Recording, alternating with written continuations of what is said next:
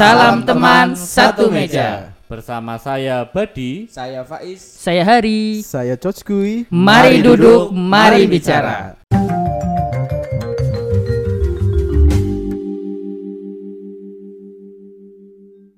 Halo, salam teman satu meja. Hmm.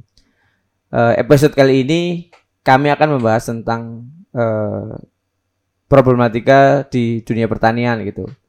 Eh, ibaratnya kita hidup di dunia atau kita hidup di negara Indonesia yang memang negara agraris, tapi mirisnya perkembangan pertanian dari tahun ke tahun malah semakin menurun gitu. Ibaratnya eh, kita melihat dari eh, luas lahan di Indonesia ibaratnya ada sekitar 7 juta eh, hektar sawah yang terdapat di Indonesia itu. Itu kan ibaratnya luas itu sangat sangat luas eh, akan tetapi kalau melihat data jumlah petani di Indonesia saat ini itu sekitar 30 juta jiwa, 33 juta jiwa. Berbeda dengan kondisi di tahun 2019 2018 yang terdapat sekitar 34, eh, berbeda de- de- dengan tahun 2018 yang terdapat 34,5 juta jiwa. Ibaratnya eh, kalau melihat data ini, ibaratnya setiap tahunnya kita terdapat penurunan sekitar 1 juta eh, jumlah petani. Itu kan sangat miris itu dengan kondisi luas lahan yang eh, banyak, otomatis ketika jumlah petani semakin berkurang, eh, itu menjadikan eh, tingkat produktivitas lahan di Indonesia juga berkurang gitu. Alhasil nanti jumlah-jumlah produk-produk tentang pertanian akan sangat menurun dari segi kualitas ataupun dari segi kuantitas itu. Nah, eh, pada bahasan topik kali ini eh, kita akan mencoba membahas tentang sebenarnya apa sih penyebab-penyebab yang eh, kenapa jumlah petani di Indonesia berkurang gitu. Apa karena memang eh, sektor pertanian bukan usaha yang menguntungkan atau memang dari segi anak mudanya sendiri eh, kurang cocok atau kurang tertarik dengan dunia pertanian atau memang di dunia pertanian itu untuk kita apa menjadi seorang pengusaha itu banyak sekali hambatannya gitu. Nah, mungkin pada malam hari ini kita langsung bisa bahas dengan teman satu meja pada malam hari ini dengan topik-topik yang tadi Ya begitulah karena anak-anak yang ada di sini itu kebetulan anda-anda semua adalah sarjana pertanian Yoi. yang notabene harus tahu dan kritis terhadap apa yang terjadi di dunia pertanian di Indonesia. Negara kita kan negara agraris, Betul, betul, meskipun betul, betul. eh, golongan Banyak lautan ya. saya eh, juga menyebutkan bahwa negara maritim. Eh, tapi di negara agraris ini dengan jumlah eh, sawah yang luar biasa banyak, tadi sudah disebutkan, kenapa sih Indonesia itu tidak jadi lumbung padi, Nah, itu. Dunia malah justru Thailand ya. Thailand betul Thailand. Jumlah lahannya kan banyak Indonesia. Iya, sawah Dan di jumlah petaninya juga banyak Indonesia. Hmm, hmm, hmm. Apa karena faktor apa ya namanya eh, latar belakang pendidikan atau memang belum ada itu kan ada namanya di pertanian ada intensifikasi sama ekstensifikasi ya. Iya, Betul, betul, Kalau di. Indonesia lebih banyak apa sih? Intensifikasi ya. Intensifikasi dan ekstensifikasi hampir hampir sama sih. Cuma mungkin lahan di Indonesia banyak dipakai untuk pemukiman kali ya, Nah, Rumah. yang rumahan. pertanian. Bener ya? ka- ka- karena kayak gini, sebenarnya intensifikasi dan ekstensifikasi hampir sama-sama dilakukan, Dilakukan. ya. Nah, tapi untuk menjaga, misalkan pas ekstensifikasinya kan kayak perluasan lahan Iya, ya. iya, benar-benar. Untuk menjaga eh, lahan yang sudah dibuka, kadang-kadang itu yang masih kurang itu. Contohnya Hmm. misal di daerah Kalimantan itu. Oh, Eh, masih rawa, ada banyak rawa. Satu juta lahan, satu juta hektar lahan sudah dibuka, tapi setelah se- dibuka itu kemudian Belum ada petaninya. Eh kalau ada kalau ada petanya ada tapi untuk menjadikan lahan itu tetap menjadi lahan pertanian itu yang kadang-kadang Oh, akhirnya Hmm. dipakai untuk ini untuk apa ya namanya? entah entah untuk produksi yang lain gitu. sawit, sawit macam-macam. atau eh, apa namanya Perumahan, perumahan. perumahan dan lain-lain itu kasusnya berbeda-beda di karena setiap hampir daerah. setiap sektor saling berebut ya, yang kayak sektor kehutanan bilang Indonesia adalah negara hutan, banyak flora fauna di Indonesia. Ada juga yang orang kita agraris bilang kita negara pertanian karena pertanian kita banyak. gitu. Iya. Betul betul. Dan lucunya di daerah kita yang namanya pertanian itu notabene identik dengan eh, ekonomi yang lemah, Iya, maksudnya Bang. eh, golongan ekonomi menengah ke Nah, bawah, bawah. Betul. Menengah ke bawah. Piramid bottom of pyramid. bottom of pyramid eh, secara ekonomi ya. Secara di strata negara-negara- juga iya, Pak. Iya, tata strata sosial juga sosial gitu ya. juga iya, Padahal petani nggak gitu juga Nah. gitu loh. Atau mungkin karena manajemen pengelolaannya masih terlalu terlalu primitif karena dulu memang eh, zaman nenek moyang kita pelaut atau petani sih nenek moyang ya. Nenek moyang seorang pelaut, pelaut dong. ya gitu. Apalagi di desa kita, eh, ini karena kita berasal dari daerah dan eh, kebetulan orang tua kita mayoritas dari petani, teman-teman sekitar kita itu eh, kenapa sih mereka masih tetap bertani tapi meskipun dengan eh, tidak ada nilai ekonomi, maksudnya tidak menguntungkan. betul betul. Secara ekonomi kurang ya, Iya. gitu. Ya mungkin karena terpaksa mungkin ya pak ya. Adanya Atau kerjaan itu ya. lain Iya, ya. tidak pilihan lain mungkin bisa jadi atau mungkin hanya kemampuannya dia bertani dari dulu ngikutin apa kakek Budaya. buyutnya atau budayanya atau Hmm.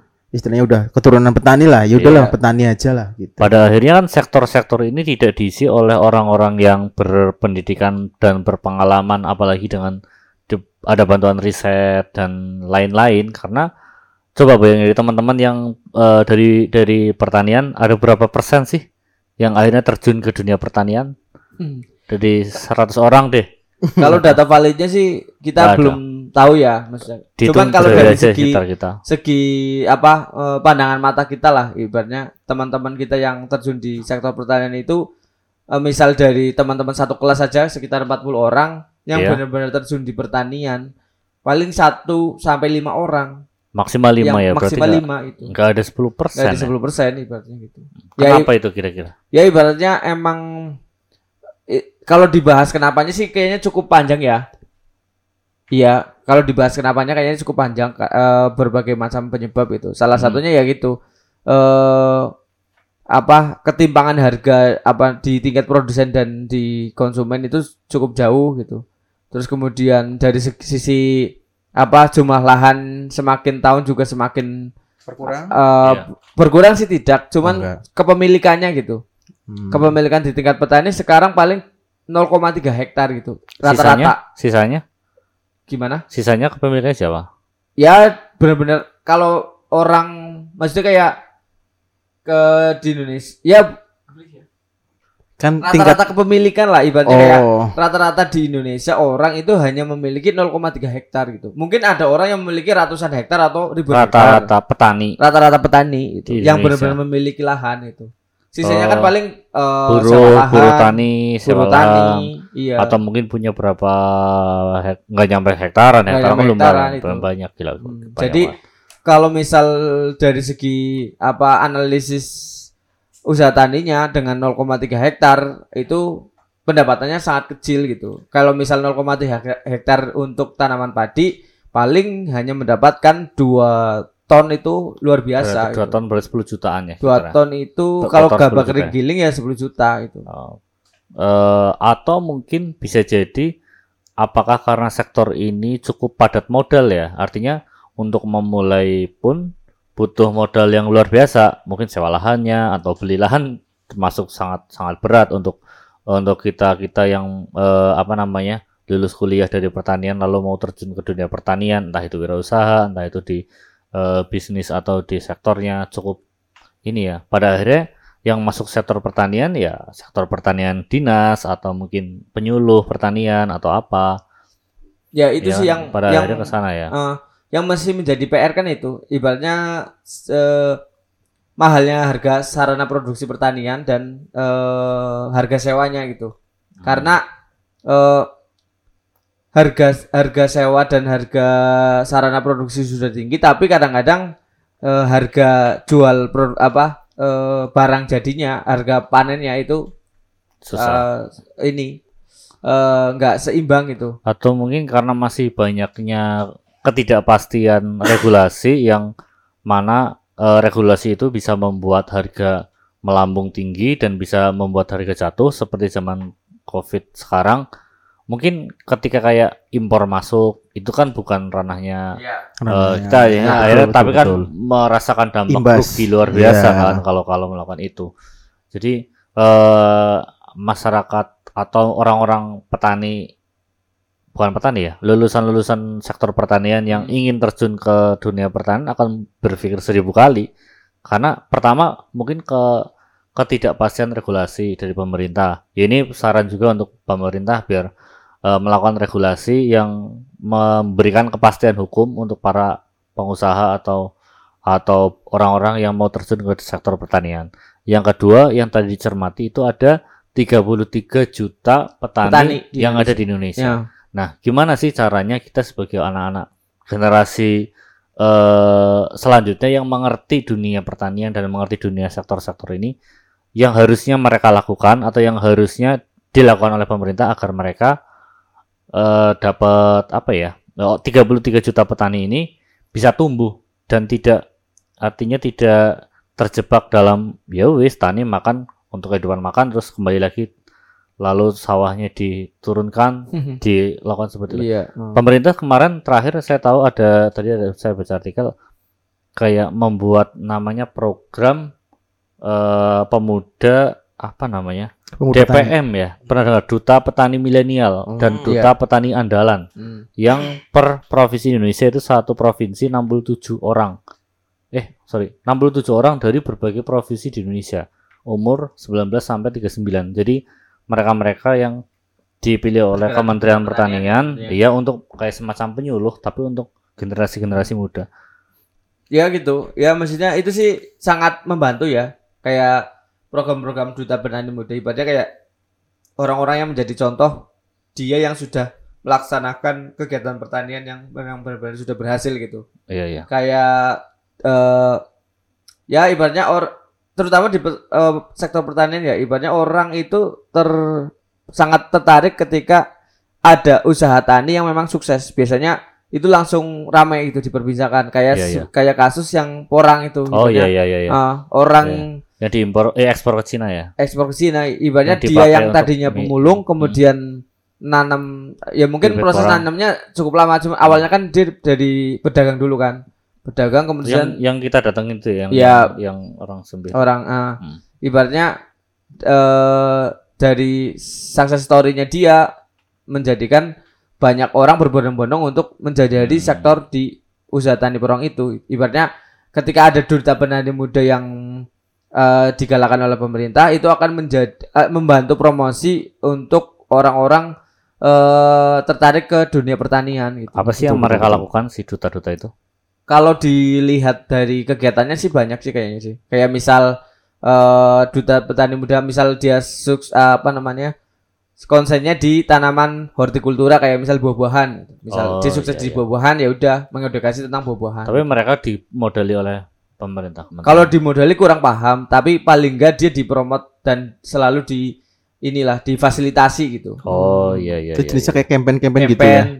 Maksudnya Oh. dari ba- bantuan campaign, kemudian dibantuin secara ilmu bisnis yang lebih apa namanya profesional dan lain-lain gitu sih Hmm. kalau duta petani muda. Iya, ya, tapi ini juga sedikit curhat sih ya, Pak ya. Iya. Kayak mengenal banget ya. Saya juga lulusan pertanian tapi nggak istilahnya nggak terjun ya, di benar sih, bidang pertanian gitu. Ya agak tersindir juga sih ya gitu. gimana tuh hari Ya mungkin ya kalau kalau dan ini adalah hanya asumsi pribadi saya ya, hanya asumsi pribadi saya. Kenapa kok banyak istilahnya apa mahasiswa-mahasiswa lulusan pertanian malah nggak bekerja di bidang pertanian gitu? Karena Kebanyakan di mana berarti? banyak pak, apalagi di leasing, Wah, Wah, yang menjanjikan gaji yang Oh, tinggi, gitu. leasing, perbankan, leasing gitu ya. perbankan dan Oh, lain-lain iya. yang Pokoknya istilahnya yang yang bersih-bersih, Nah, dasi betul. di AC ya. Iya betul. Ya. Ya karena banyak banyak mungkin ya banyak orang yang terjebak ya.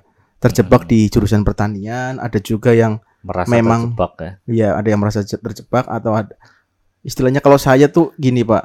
Ya, Pak. Saya lulus di bidang pertanian nih. Kita pengen usaha pertanian. Cuman Hmm. kita nggak tahu jalurnya, Pak. Hmm, hmm, hmm. Kita mau usaha pertanian apa? Terus kita juga nggak punya lahan pertanian. Iya, iya.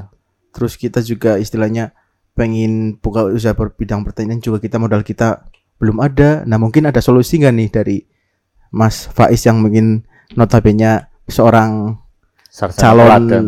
profesor pertanian ya. Ah, profesor lu. gimana nih menghadapi kayak saya nih ya problematika saya itu seperti itu.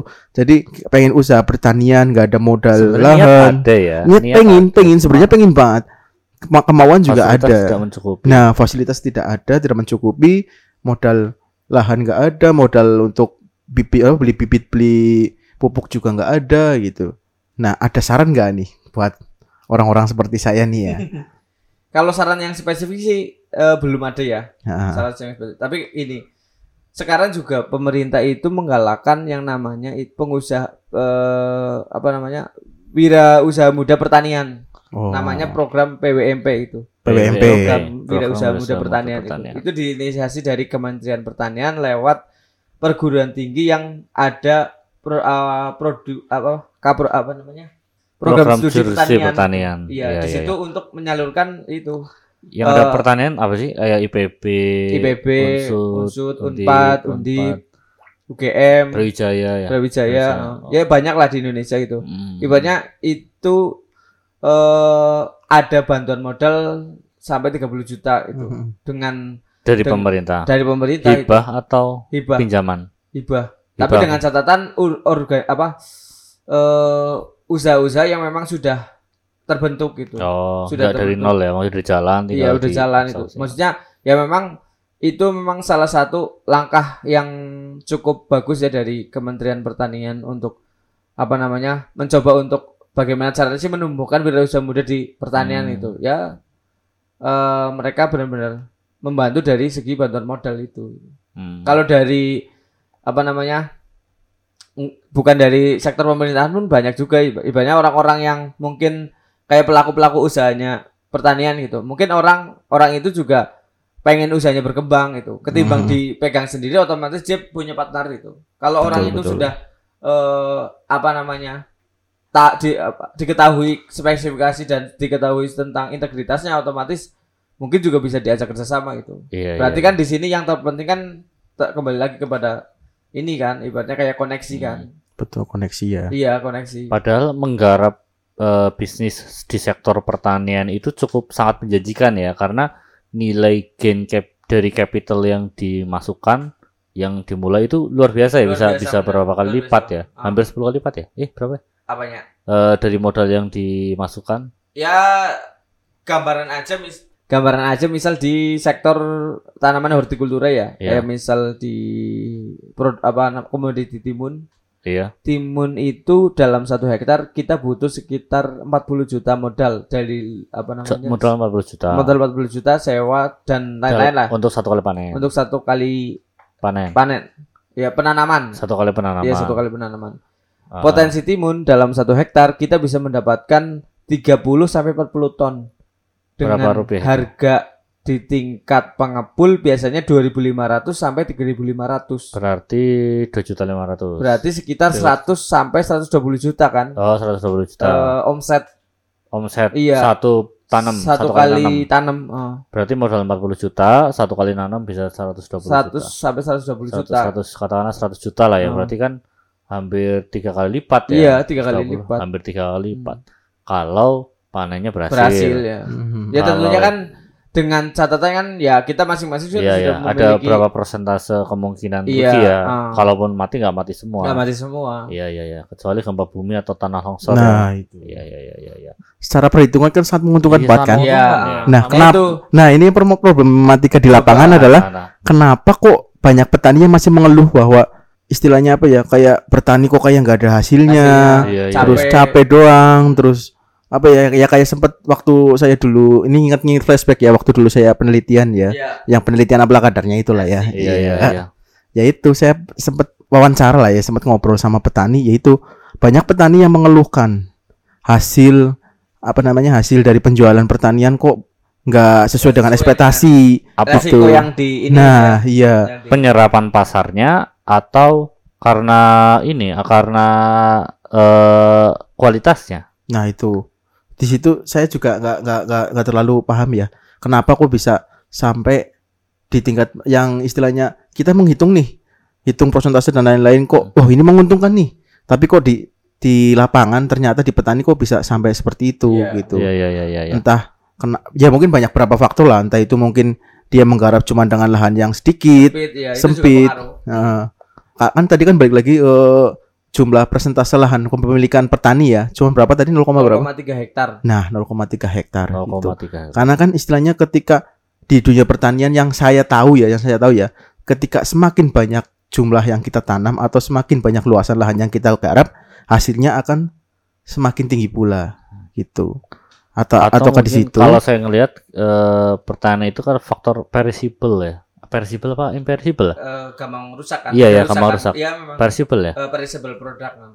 iya jadi mau nggak mau harus bisa jual Iya. Mhm. Dalam waktu cepat. dalam tentunya. waktu cepat kalau enggak busuk nah nggak Ya, ya sebenarnya itu sih salah satu faktor ya, tapi eh yang tadi dikemukakan juga sa- ben- hampir benar-benar terjadi. Berarti Kayak untuk mengusahakan produk pertanian yang benar-benar eh, menguntungkan emang ada skala bisnisnya gitu. Dengan luasan yang oh iya ya, sudah tertentu ya ah, nggak ditentukan bisa gitu. cuma satu Sekian, galengan dua iya. galengan ya Kalau satu galangan dua galangan mungkin bisa, tapi itu hanya sifatnya untuk hanya kebutuhan untuk konsumsi kebutuhan sendiri. keluarga Oh. atau itu hanya untuk apa sih istilahnya mengisi kekosongan itu, Iya, bukan iya, iya. untuk bukan untuk skala bisnis Iya ya skala bisnis. Oh. Iya. Jadi, nah kebanyakan di Indonesia cuma kepemilikan lahan yang sedikit, otomatis itu yang menjadi kendala, Hmm. salah satu menjadi kendala itu. Hmm. Karena iya iya iya eh, nantinya ketika penyerapannya juga eh, kurang dengan jumlah kepemilikan lahan sedikit, sedangkan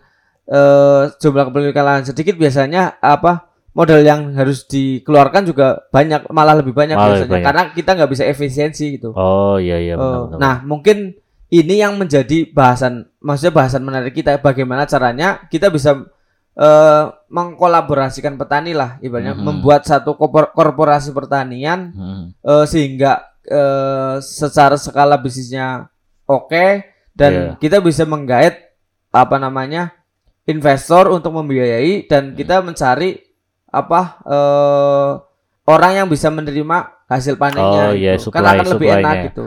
karena produk-produk pertanian komoditasnya itu tidak hanya padi gabah Padi, ya kan ada Ada bawang merah, bawang merah ubi. ubi terus buah-buahan Buah-buahan. barangkali sayur ya kan bawang putih masih impor ya Bawang putih ya impor juga ada, produksi petani kita sendiri juga ada. Mhm. oh jadi bawang putih belum bisa memenuhi kebutuhan dalam negeri padahal ya Belum bawang putih belum sementara. Eh, kenapa Ibaratnya bawang putih mungkin sekarang baru sekitar 10% Hmm. yang disuplai petani Indonesia. Tapi Sisanya sempat paling sempat ada berita bahwa bawang putih yang diproduksi di Indonesia itu biaya produksinya itu jauh lebih besar daripada biaya eh, impor. Maksudnya satu Oh, iya, kilogram iya, impor iya. berapa sih bawang putih sekarang harganya? Eh, kalau di uh, bawang putih impor kalau di harga eceran sekarang kayaknya 30.000 ribu sih. Harga Maksudnya eceran harga- paling impornya masih sekitar se- eh, 20 ya. iya, artinya harga harga harga ngimpor itu jauh lebih murah murah ya per dibanding kilonya dibanding kita eh, nanam sendiri nanam ya sendiri. Oh. Apa sih itu penyebabnya? Anak pertanian gimana? Ya itu maksudnya kalau kalau saya kalau saya sendiri sepengalaman saya di lapang ibaratnya ketika kita mengusahakan bis, eh, komoditas pertanian tapi dengan luasan lahan yang kecil otomatis itu kita nggak bisa mengefisiensikan dari sarana produksi pertanian Hmm. Kalau dari segi Mas Bagus sebagai orang, orang ahli agribisnis coba bisnisnya ekonomi pertanian gimana nih? Kok bisa nih nggak menguntungkan? Padahal kan lahan kita banyak. Mhm. Kan balik lagi Pak eh, ke persentase kepemilikan lahan, balik lagi ke situ. Hmm, Jadi ya ya benar tadi yang diobrolkan Mas Faiz. Ketika kita nggarap lahan sedikit dengan perbandingan. Kalau di luar negeri kan kenapa kok petani di luar negeri sukses-sukses iya, gitu? iya, I see, I see. Karena kepemilikan lahan di luar negeri itu luas-luas. luas-luas, hampir Hmm, lebih dari satu orang itu bisa sampai 10 hektar dia punya Hmm. lahan gitu. Dan pengelolaan lahannya pun nggak pakai orang gitu. Di sana udah pakai mesin semua hmm. gitu. nah Untuk itu yang menjadi menjadi salah satu eh, lebih efisien kan kita juga harus ada alat-alat canggih Alat-alat mekanisasi canggih, pertanian mekanisasi itu. Kalau pertanian. seandainya perta- para petani itu berkumpul, membentuk satu komunitas kelompok atau paguyuban lah ibaratnya. betul Ibu. Tapi mengelola bareng, maksudnya ya udah aku punya tanah satu hektar, aku punya tanah satu hektar, 20 orang kan 20 hektar. Betul. Nah, kalau seandainya 20 hektar itu dikelola oleh 20 orang, eh, lalu diproduksi dengan maksimal, apakah itu bisa menguntungkan dari segi ekonomi? ya sebenarnya banyak faktor ya Pak di lapangan ya. Ini juga Iya, iya. sempat Kita jadi asumsi karena dari Iya, dari betul. Uh, akademisi ya. Iya, ini juga sempat jadi bahan obrolan saya waktu penelitian ya. Iya, iya. Gitu. Karena di ya inilah Indonesia ya Pak ya. Hmm, hmm, hmm. Banyak orang-orang yang istilahnya bertipe-tipe karakter gitu. Iya, iya. Jadi iya. di salah satu perkumpulan atau apa pun mesti banyak perbedaan pendapat di situ Iya, Pak. iya. I see, I see. Gitu. Jadi yang menghambat istilahnya menghambat nge- tidak berjalannya seperti itu ya mungkin karena pola pikirnya yang masih berbeda-beda. Hmm. Kayak kan di dalam pertanian itu ada poktan ya kelompok tani ya. Kapoktan ya, Iya. kapoktan ke Ada kapoktan juga, ke- ada poktan kelompok tani yang istilahnya Kapoktan ya? kalau kapoktan itu gabungan. Oh, Jadi tani. satu wilayah nih ber banyak ada banyak kelompok tani Iya, gabung iya, jadi satu ini namanya kapoktan. Oh, gitu. iya iya, I see, I see, I see. Nah, Jadi di dalam kelompok satu kelompok tani sendiri itu pun masih banyak yang istilahnya punya pandangan sendiri-sendiri gitu. Ada Hmm. ada yang bisa apa ya namanya waktu di saya di daerah Purbalingga itu dia itu kayak sistem tanamnya itu tuh udah terjadwal. oh. Jadi di dalam kelompok tani udah daerah sini nanam apa, terus Ya, nanam apa. gitu. Oh, iya, Nah, iya, iya. Di dalam hal itu pun masih banyak per- apa perbedaan pendapat. Hmm. Enggak ah saya pengen nanam ini kok, enggak ah. Saya pengen nanam ini kok gitu. Ya itu maksudnya keras kepalanya orang Iya. kita Nah, Indonesia ekosektoral, ya, ekosektoral ekosektoral itu maksud. yang ya paling enggak mungkin eh memik- pikirannya mereka kan aku pengen berhasil mengusahakan iniku sendiri lah Ya, paling ini. sendiri gitu, betul. Atau bisa jadi karena eh, mereka tidak mendapatkan kepastian dari hasil panennya, produk harvestingnya, hari- hasil panennya eh, oleh pemerintah atau oleh kelompok tertentu yang dia sanggup untuk menampung atau mengepul. Jadi kalau eh, yaudah kamu petani tolong tanam jagung misalkan, ya harus ada penjamin. Aku yang nyuruh eh, petani nanam jagung maka aku harus beli jagungnya, gitu loh. Yang jadi masalah itu kan eh, petani disuruh nanam apa, tapi ternyata tidak difasilitasi untuk dibeli Betul, lagi. Betul. Itu sih Gimana tuh? kasus-kasus seperti itu dulu terjadi tapi kalau sekarang sih kayaknya udah ter kayak maksudnya udah jarang karena semakin ke sini itu ibaratnya orang untuk menjual produk-produk pertanian terutama dalam jumlah besar itu Hmm. bisa cepat gitu Hmm. eh yaitu karena kayak misal jagung saja jagung misal kayak kan banyak perusahaan pakan ternak yang membutuhkan jagung itu men- untuk bahan baku pakan ternak pakan ternak, ibaratnya. ya, betul. kalau misal jumlahnya banyak otomatis eh, akan mudah diserap tapi malah jumlahnya sedikit-sedikit dan lokasinya jauh-jauh nah itu yang akan susah untuk manajemennya itu nah malah tadi ibaratnya bagaimana caranya sih eh, kita benar-benar bisa mengakomodir lah kekuatan petani jumlah petani satu desa itu untuk membudidayakan eh, tanaman-tanaman yang memang nanti nantinya kita bisa kontrak untuk hasil panennya itu Iya iya iya. yang iya. menjadi PR itu itu sih Betul, betul, betul. Eh, se- Iya. tapi juga harus ada sinkronisasi apa sinkronisasi dengan pemerintah nggak sih? Karena ini ada kasus ya di di lapangan sendiri ketika saya waktu di, di sebuah daerah lah ya, ngapain sebutin? eh apa? Jadi tidak adanya sinkronisasi antara dinas pertanian dengan petani setempat gitu. Jadi banyak yang mengeluhkan bahwa petani itu hanya dimanfaatkan untuk program kerja se, se apa program kerja dari pemerintah gitu Hmm, iya iya Hanya iya. Pernah diadakan- dengar, bener. Ya. apa program ini pem- nah petani hanya sekedar sebagai objek saja Iya iya. gitu.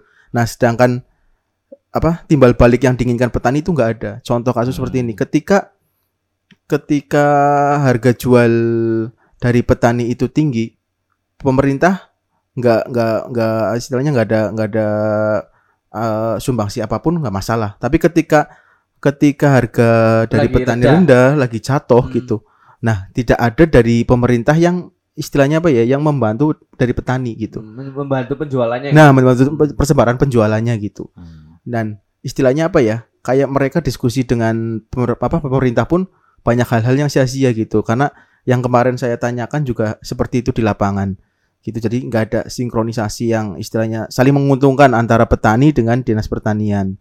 Itu yang mungkin bisa salah satu apa ya? masalah juga nih di dalam dunia pertanian. Itu mungkin seperti apa nih? Buat cara penyelesaiannya ya. Karena jumlah petani pun banyak, Banyak. banget. Betul. Ya itu maksudnya sebenarnya kan itu fungsi dari komponen unit pelayan teknis yang ada di dinas pertanian kan. Iya, iya, kan benar. mereka punya orang-orang di penyuluhan itu. Mm. Ibaratnya kan orang-orang penyuluh itu kan memiliki data tentang petani itu. Eh, di, da- de- de- desa ini ada petani berapa, petani, petani komoditas apa aja dan ditanam di bulan-bulan apa saja. Nah, harusnya dari situ sih, dari orang-orang terdepan itu yang eh sebagai penghubung lah antara petani dan pemerintah gitu. Ketika petani apa inisiatif untuk menanam sesuatu yang mungkin eh nanti hasil panennya bisa melimpah, ya itu yang menjadi blunder kan, harganya jadi eh, jatuh, sedangkan kan eh, harga kan dipengaruhi oleh permintaan dan penawaran itu. Ketika Betul. permintaannya kurang dan penawarannya banyak kan otomatis harganya eh, rendah gitu. Hmm, hmm, hmm. Nah, paling enggak eh, konsen eh, atau peran dari penyuluh itu yang benar-benar harus dimaksimalkan sih agar apa? Ya tentunya sih nggak harus penyuluh penyuluh saja, tapi orang-orang mungkin swasta juga bisa kan. Ibaratnya orang-orang yang bisa membangun database lah, database tentang pertanian kan juga Iya, sekarang iya. juga banyak startup startup di pertanian kan yang Iya, bisa menghubungkan antara petani dan eh, pemilik modal, petani dan apa pen, pen- apa eh, investor, Investor, ah, ini eh, teknologi. petani dan apa namanya eh pelaku usaha Pelaku itu yang usaha, membutuhkan iya, iya. hasil panennya itu. Hmm, Nah, Cuman gini Mas, ada masalah juga di petani, yaitu adanya mosi tidak percaya sama DPL atau Pemerintah. atau penyuluh oh, dari penyuluh DPL sendiri. itu apa? DPL. PPL, PPL salah nyebut salah nyebut. itu apa? PPL, Iya. Petugas penyuluh lapang. Iya, PPL Oh, bukan DPL salah salah nyebut salah. Dosen lu. Terus pemimpin lapang ya. Oh iya lupa. Saking lamanya. PPL PPL PPL penyuluh ya. Jadi di di petani itu ada mosi tidak percaya. Malah petani lebih percaya sama sales obat Hmm. gitu. Untuk masalah penanggulangan apa karena hama gitu. faktor faktor ini pengetahuan Bisa jadi kapasitas kapasitas dari kapasitas terbatas. penyuluh mungkin. Iya. karena apa ya? Eh sepengetahuan saya secara ngobrol dengan petani gitu. Kebanyakan itu malah sales obat dari perusahaan-perusahaan swasta lebih mengerti tentang hama dibandingkan dengan Iya. istilahnya Karena mereka tahu risetnya kali ya. Ini saya mungkin dengar cerita juga dari bapak saya karena bapak saya petani juga petani di apa namanya di di padi dan palawija jadi ada momen kayak eh ini palawija kacang eh, kena hama dan nggak habis maksudnya eh, hamanya itu nggak hilang-hilang setelah di ada penyuluhan di kantor balai desa terus cerita nih eh, ini penyuluh pertanian tuh cerita bahwa ini hama tuh bisa ditutupi dengan cara kayak gini kayak gini kayak gini. Nah, misalnya kelompok petani yang ada di daerah kita, ya wis, kalau nggak percaya, ayo kita ke ini ke sawah gitu kan, buat buktikan ya. ya. bukti ya kan. Terus lihat palawijanya kayak gini kayak gini, ya udah coba praktekin kayak apa, terus coba semuanya. Akhirnya terdiam si penyuluh ini. Ya. Mereka ngerti di lapangan seperti apa. Ya, ya itu sih sebenarnya dua sisi ya. Dua sisi dalam artian ya memang kekurangan dari segi penyuluh eh kayak mereka jarang mengupdate ilmu-ilmu yang Iya, se- iya, eh, iya. terbaru gitu. Mm. Alhasil petani-petani ya eh, memiliki kesimpulan bahwa si penyuluh ini kurang apa namanya kurang kompeten untuk Iya. untuk men- menyelesaikan masalah itu. Ya, ini Tetapi dari Mhm. segi apa namanya pet- eh, si penyuluh pun ada kayak semacam etika lah dalam artian eh dia kan ada ada namanya program apa namanya kalau misal di pengendalian hama penyakit kan ada namanya program pengendalian hama penyakit terpadu itu hmm, di situ kan emang mengedepankan tentang apa namanya eh keberlanjutan riset. lingkungan Oh, iya, iya, iya. jadi ketika menggunakan bahan-bahan aktif tertentu yang memang jumlahnya sangat banyak Iya. mereka itu sangat menghindari Merusak. tapi itu sebenarnya eh apa namanya nggak nggak searah dengan keberhasilannya biasanya Betul gitu betul. ya Hmm. sering kan ibaratnya kalau misal di eh, konsep pengendalian hama terpadu harus sekian harus ini sekian harus ya. sekian padahal di di lapangan kad- kadar yang sudah dipakai oleh masyarakat itu sudah Melampaui eh, batas. lebih, lebih ambang batas iya. itu alhasil ketika rekomendasi dari orang penyuluh itu yang nggak bakalan mempan itu Udah resisten udah ya. resisten gitu dan memang ya dengan cara-cara yang dilakukan oleh penyuluh kan biasanya benar-benar eh, apa namanya eh akademik ya apa sih istilahnya Oh, teoritis. teori Teoritis. ya teoritis itu tapi emang teori kalau teori itu benar-benar diaplikasikan menyeluruh ya jadi tapi emang nggak nggak bisa instan waktu iya. cepat itu biasanya eh, satu musim dua musim untuk berpengaruh. Tapi kan orang atau petani biasanya ya saya sendiri lah ibaratnya ketika pengen menghilangkan suatu hama atau penyakit apa pun di di bagian tanaman biasanya pengennya cepat. Karena kan eh, hubungannya dengan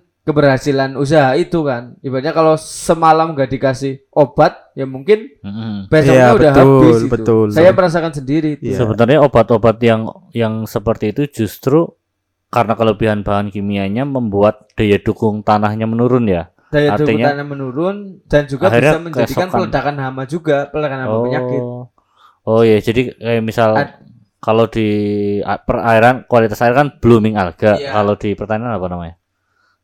Apa sih belum kalau misal di pertanian ini paling enggak itu ta- pH tanah menjadi masam yang Oh, tadinya iya, menjadi iya. subur mungkin tanahnya terlalu tinggi akhirnya. kurang bagus itu Hmm, ya. Tadi asam Makanya harus ada tanam silang ya kayak setelah itu jadi tanam apa pergantian namanya, tanaman pergantian tanaman ya biar enggak ada pergantian biar sehat ya. tanaman adanya apa namanya eh proses diberokan dulu ibaratnya proses lahan itu dikosongkan dulu. istirahatkan, istirahatkan, istirahatkan, iya. tidurkan dulu. Hmm.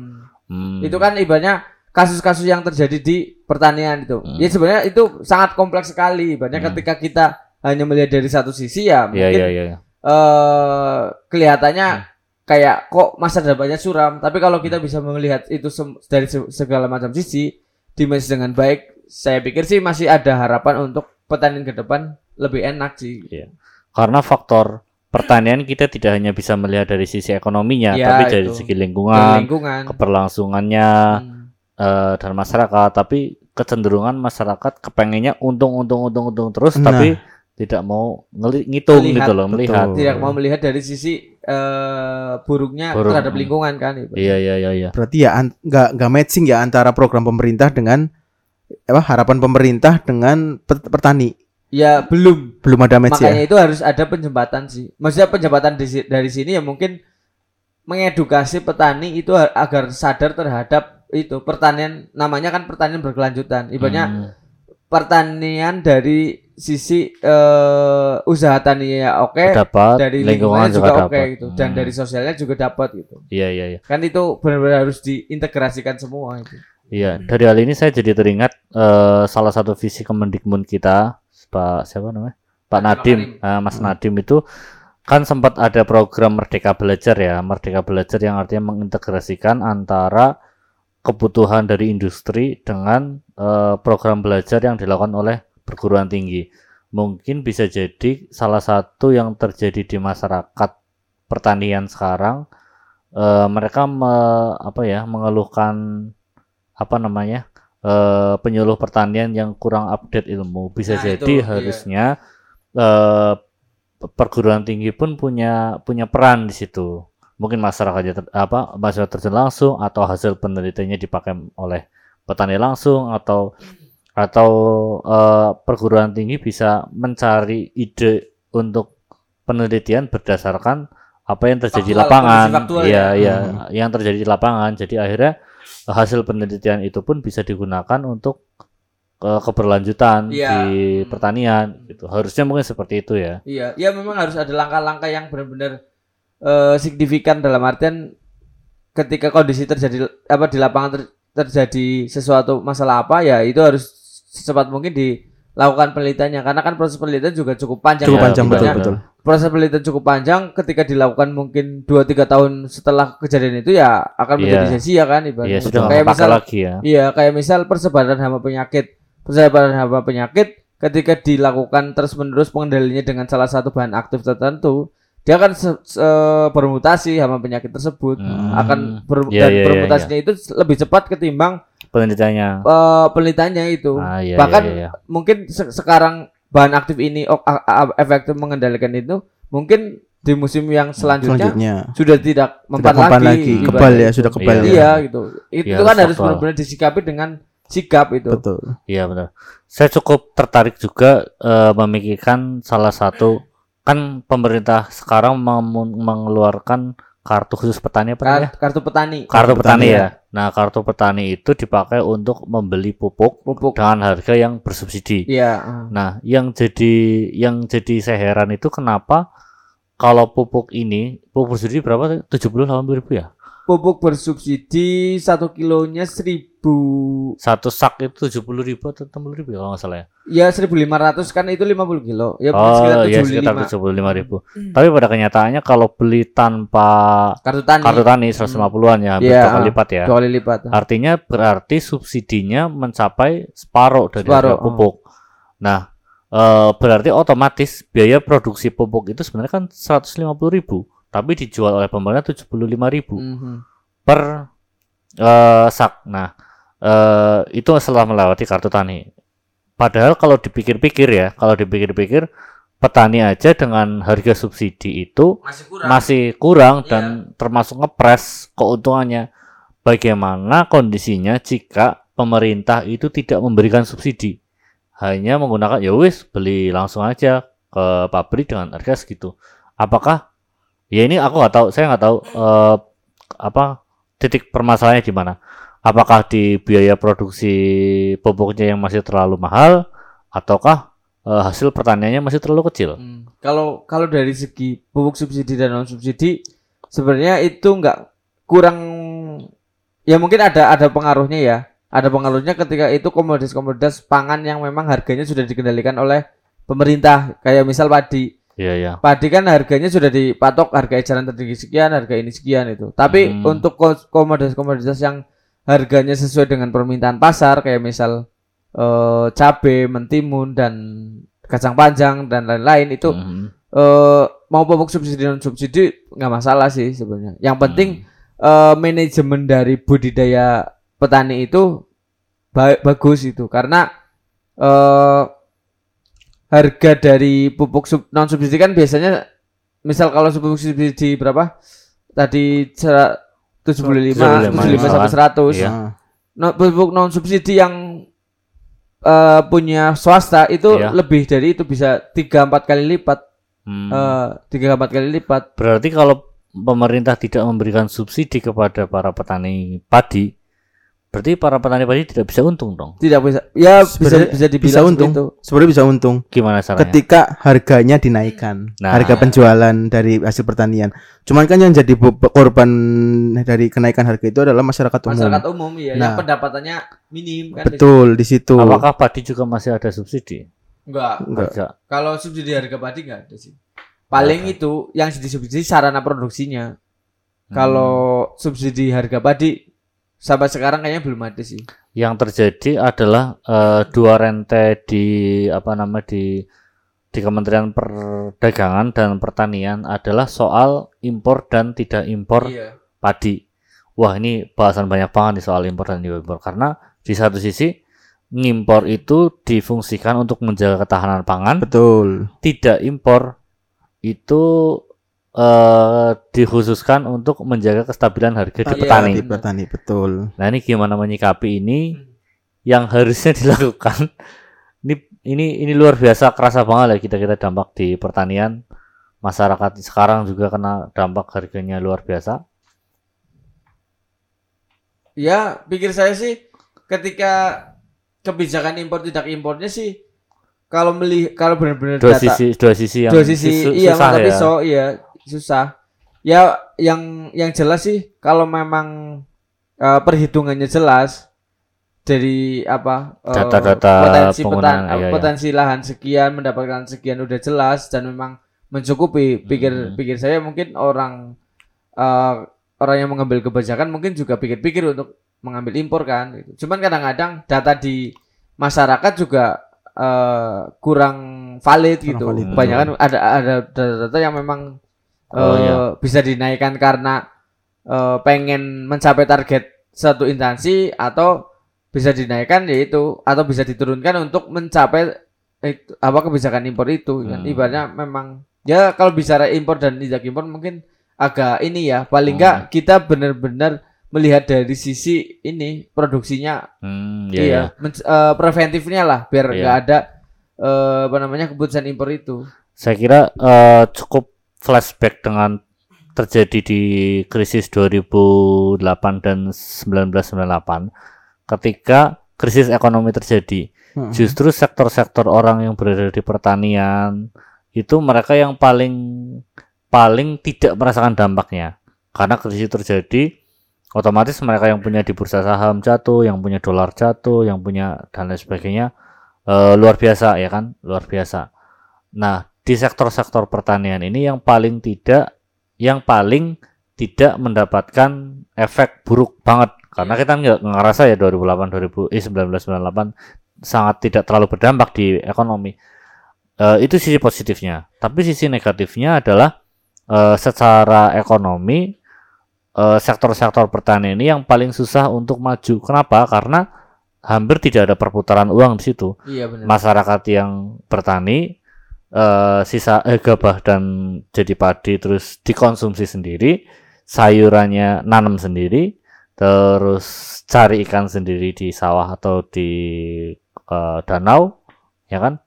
Pada akhirnya mereka tidak mereka tidak mengalami perputaran ekonomi. Akhirnya roda ekonomi di pertanian itu cukup susah banget untuk Hmm. bergerak. Apa sih yang seharusnya dilakukan eh, agar roda ekonomi para petani-petani di negara kita itu jadi maju. Ini sektor pertanian ekonomi nih. Gimana nih Mas? Berat banget ya. Bro, berat, bro. Kalau di kita men- kayak kita bercermin sama si Thailand ya. Thailand Ah. em, dia mendeklarasikan sebagai negara dengan lumbung padi di Asia Tenggara ya. ASEAN Ya, ya. se- selain Thailand juga ada Vietnam sekarang Vietnam, ya, Vietnam ya. Oh. ya. Vietnam. Malah malah terbaru kan Indonesia juga mengimpor dari Vietnam kan. Oh. Iya. Jadi pemerintahnya mereka kalau nggak salah eh, bergotong royong untuk yus push produksinya Hmm. lalu dibantu untuk pasaran ke luar negeri. Iya, padahal dulu ya masyarakat-masyarakat Malaysia, Vietnam, Thailand itu belajar padinya di Indonesia. Indonesia, gitu. Iya, iya. masih ingat banget lah ibaratnya kan. Hmm. Pada saat dulu kan ibaratnya pada zaman eh, Orde Baru. Orde kan. Baru. Hmm. Pas ada namanya revolusi hijau, ibaratnya pertanian kita lagi Hijau-hijaunya lagi, ya.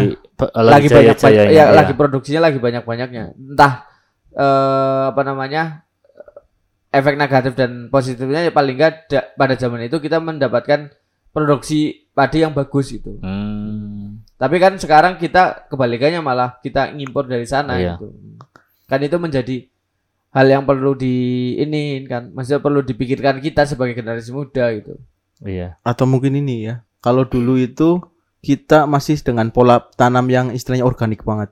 Belum belum istilahnya belum apa ya? Kayak perusahaan obat itu belum semarak yang saat ini ada di Indonesia ya. Atau mungkin istilahnya dulu itu eh, apa? Sistem pertanian atau sistem pemerintahan apa pemerintah di pertaniannya itu masih istilahnya apa ya? sinkron dengan petaninya mungkin ya. Karena saya juga belum lahir juga 98 eh 98 waktu waktu masa-masa ya 89 Iya, 89, 87, iya kan? revolusi hijau itu Nah, Ya kak, ya kalau revolusi hijau malah sebalikannya ibaratnya mulai adanya pemakaian obat-obat pestisida yang banyak gitu untuk membasmi hama-hama itu. Ya kalau Hmm. mungkin masih ingat dangke cangke ya Cangke. Tangga apa tuh? uh, obat obat pestisida Oh. untuk meng apa menanggulangi hama-hama kayak wereng, walang sangi dan lain-lain. Mm-mm. Dulu itu ini karena itu pestisida segala macam hama. Jadi kan Hmm. apa pun kita mensemprotkan di situ ya mungkin segala macam musuh alami, halaman dan mati itu. Hmm. Alhasil ya setelah program revolusi hijau efeknya sekitar beberapa tahun selanjutnya ya mungkin itu mulai adanya peledakan penyakit. Hmm. Eh, Iya iya apa iya. iya. namanya kondisi lahan pertanian mulai masam, kemudian ya mulai banyak problem problematika yang terjadi gitu. Hmm, berarti kan dari efek itu kan Efek efek, itu, penggunaan ya Efek itu dan ya Hmm. eh, macam-macam sih ya Se- eh, selain dari apa eh, minimal apa namanya minim terbatasnya pengetahuan petani terhadap Oh iya. bagaimana sih menjual produk mereka agar mempunyai nilai jual yang cukup tinggi itu. Hmm. Padahal kan ketika kita membuat suatu produk dari hasil panen kita itu akan mendapatkan nilai hasil yang cukup bagus sih. Kayak Hmm. misal kita bertanam tentang bawang merah. Nah, kalau Iya, kita iya. menjual bawang merah mentah, otomatis ya kita menjual ya sesuai harga pasaran dan harganya itu eh dipatok oleh sistem pasar. Tapi kalau misal kita bisa menjual dalam bentuk jadi kayak misal bawang goreng atau misal selai bawang kan eh, Oh, kita iya, bisa iya, mematok iya. harga Diolah, sendiri gitu. diolah, iya, diolah. diolah gitu. Berarti sistem teknologi hasil tani. Iya, yang teknologi pasca panen. harus- Oh, namanya. teknologi Pasca panen, pasca iya, pasca panen. pasca Iya, panen itu kan menjadi Hmm. membuat nilai hasil produksi pertanian itu semakin meningkat gitu. Iya benar. Jadi sektor pertaniannya harus ditingkatkan intensifikasi ekstensifikasinya, Intensifikasi, ya. terus hasil panennya juga harus dimaksimalkan. dimaksimalkan. Jangan hanya menjual produk mentah, tapi juga produk jadi Iya. kalau bisa. Satu lagi yang cukup menggelitik ini terakhir mungkin kali ya karena sudah cukup panjang. Kayak eh, petani kita kebanyakan kenapa sih enggan untuk menerima teknologi baru masuk dalam bidang pertanian?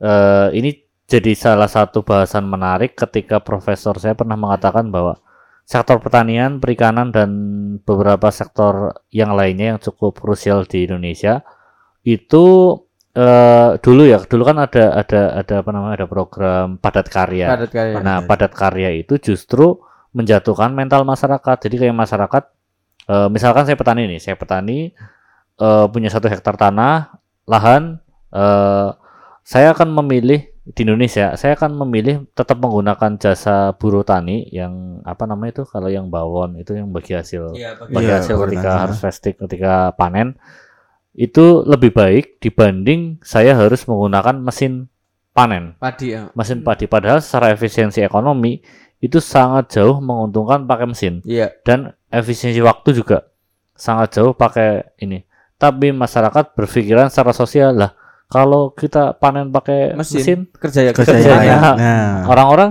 gimana iya kerja ya. apa Nah, itu yang nah itu gimana tuh ya itu kalau misal kita lihat dari sisi sosiologi pertanian kayak misal kan dalam kayak tadi inovasi teknologi yang Iya, bisa iya. diaplikasikan oleh masyarakat kan itu tergantung dari biasanya sih eh, apa sukses story misal Hmm. kayak ada inovasi tentang eh, sistem tanam apa yang mendapatkan hasil lipat ganda itu ketika memang hasil itu dibikin demplotnya atau eh, percobaannya dan berhasil otomatis si petani pun akan men- eh, cepat menga- mengadopsi inovasi itu tapi kalau misal hasil demplotannya atau hasil percobaannya kurang biasanya ya walaupun mungkin dikasih modal atau dikasih apa pun mereka nggak Iya, bakal iya, iya. mau gitu selain kayak misal eh itu dari sisi eh, keberhasilan teknologi itu. Terus Iya, dari segi benar-benar. sosial. Dan mereka kan mempertimbangkan tentang yaitu kita hidup bermasyarakat paling enggak eh, kita mencoba untuk membagi rezeki yang sudah Tuhan berikan kepada kita. Biasanya ada orang-orang yang memiliki pandangan seperti itu ibaratnya gitu. Walaupun mungkin untungnya sedikit tapi ketika kita bisa mencoba untuk membagi ke masyarakat dalam bentuk apa namanya kegiatan panen mereka mikirnya ini rezeki yang berkah gitu itu kan salah Hmm. eh, dari sisi sisi sosial masyarakatnya gitu tapi pada akhirnya jadi tidak produktif Dari tidak secara produktif ekonomi memang, tidak produktif Hmm. Ya, itu jadi ya ini ini ini bahasan bahasan cukup ini apa namanya menggelitik ya Menggelitik, iya bener bener bener. secara ekonomi Ya, ini Pak apa? Kalau secara ngobrol, se- dulu saya sempat, sempat ngobrol juga dengan petani gitu. hmm. Kenapa kok petani susah banget untuk mengadopsi sebuah istilah teknologi atau istilahnya ilmu baru ya di dalam Iya, dunia benar. pertanian? Karena ya itu Pak eh, apa? Di dalam dunia ya mungkin secara petani itu mungkin modal sedikit untuk coba-coba dia takut gagal. Hmm. Karena ketakutan gagal itu jadi menyebabkan petani itu enggan untuk mencoba sesuatu hal yang baru. karena sebenarnya pertanian bagian dari entrepreneur harusnya Harusnya seperti itu. tidak boleh Cuman ya karena itu. mungkin kapasitas secara pendidikan, iya nah itu Atau- itu signifikan sangat sih ya betul. sangat signifikan Bener-bener.